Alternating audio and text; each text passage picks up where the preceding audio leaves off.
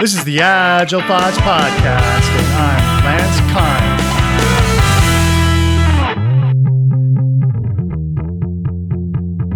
I'm Joel BC. Uh, I'm known as the Gorilla Coach because I got a reputation for talking about difficult topics that people don't want to talk about. I am a certified Scrum trainer, certified team coach. I've been doing this now for 15 odd years.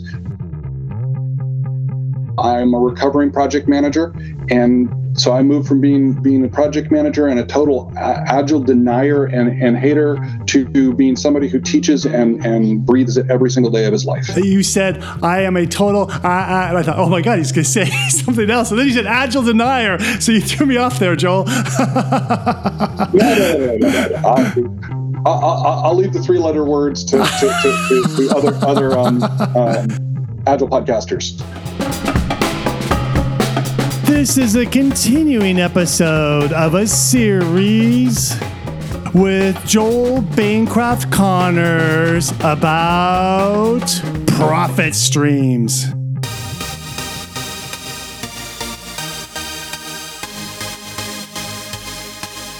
So, value streams for me in my applications mostly around at the very beginning when we're trying to form teams properly because teams uh, before you even start with a scrum team you have to ask the question is this the right people to form a team? And are we formed around the right type of work.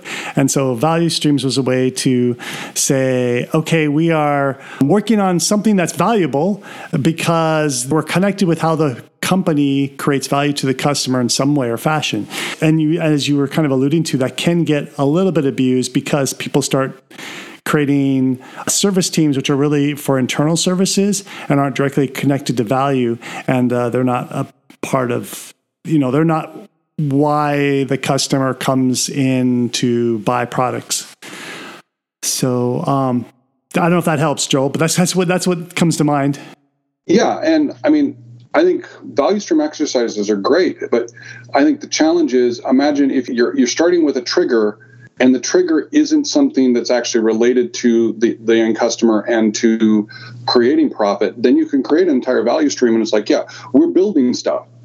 Have you ever done the basic math of does the cost to implement this cost less than what we're going to sell it for? Mm. Bigger question is does the cost we want to sell it for is that greater than the cost for the customer to acquire or to use?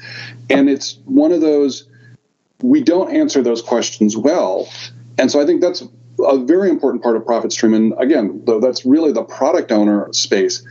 The thing that really resonated for me was when Luke told a story from the early days of Conteneo, back when it was still called Innovation Games. And in the early days of Innovation Games with the, their online platform, they had the whole thing set up so that if you wanted to run run a session, you paid by the session. Hmm. Kind of like an arcade game. You put the quarter in, you, you, you, get a you get a speedboat session, you can play it. Hmm. And they weren't getting traction.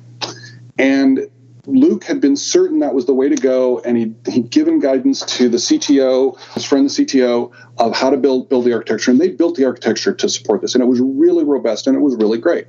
And Luke realized he needed to experiment, he needed to pivot. It's like, you know what, I want to I want to see about an all-you-can-eat model for a flat flat fee. And the CTO said, we're going to have to completely re-architect to do that.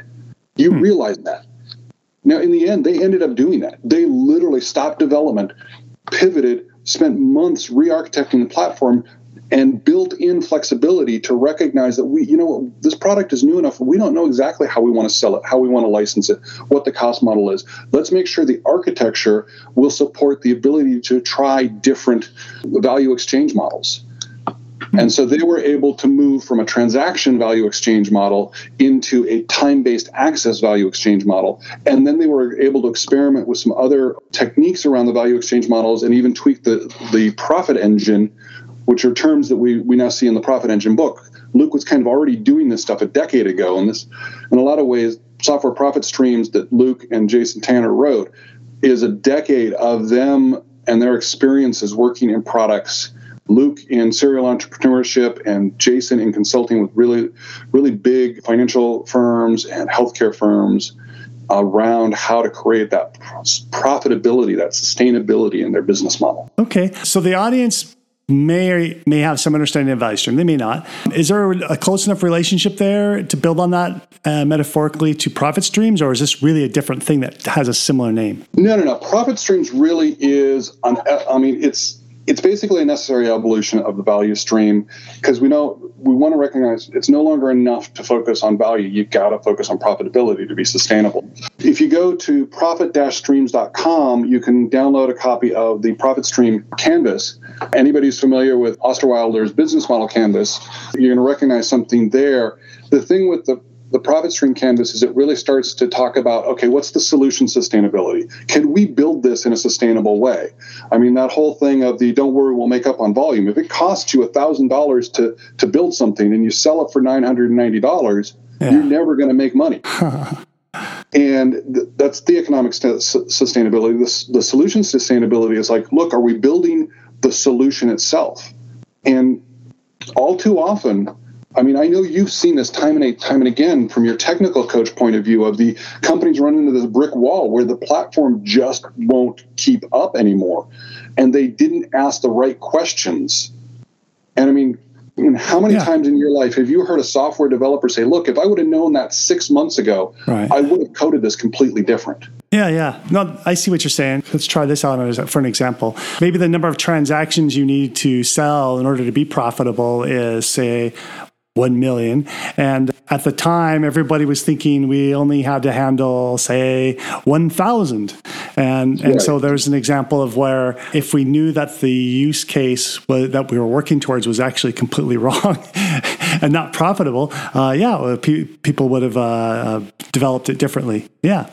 Right. And I think part of what Jason and Luke really posit here is at the beginning of the book, they talk about it. Profit streams are a group activity you want to be successful in this, you need that architect, you need the teams, you need the people doing the work involved in the conversation as well, because this can't just be a, oh, we think we're going to charge 995 instead of 595 and such. That's it's not just a, a boardroom decision or a business decision, it's a whole company solution. Mm.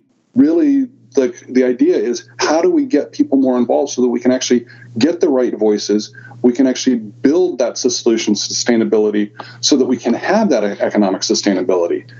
And and it goes right back to that that idea of like look how are we going, going to license this? How we license is directly connected to how we architect the platform. Hmm.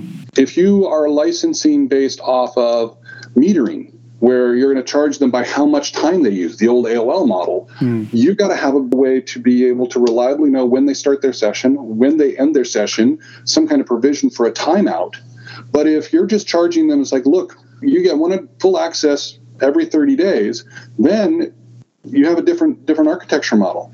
And being able to have those conversations up front may actually cause you to make different decisions on how you want to present the product to the customer or you at least making sure that your engineering group can support the hey, we think we're going to try these three different value exchange models. Can we make sure that the architecture can support experiments in all three of these models?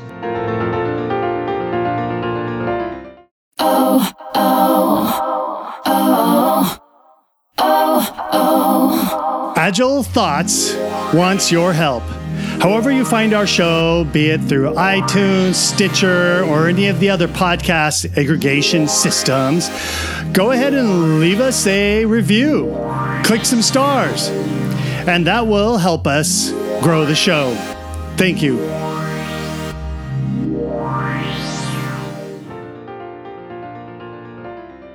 Check out the show notes.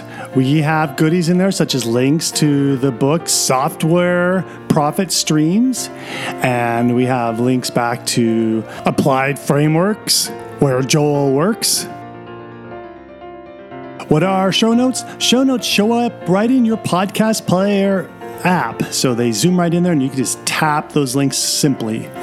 If you downloaded this from a website, go back to the website where you pulled this MP3, and you will see in that webpage the show notes there.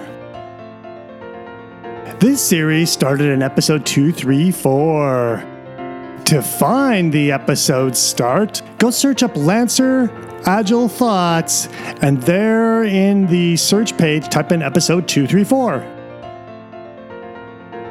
Next episode, more Joel Bancroft Connors. All the way back when I was, um, you and I worked together in the in, in the good old days of Solutions IQ, and that whole that vision it's like okay great the product goes well what's the vision and how what does that mean? And it's like okay it's great to have this vision but how does the team connect to that? And i always found it really hard to connect vision mission and then you have this big gap and then you have the product backlog and what i see with the the walking with getting teams involved in what is the value exchange model? What are the profit engines that we're going to use to try and increase revenue in the future?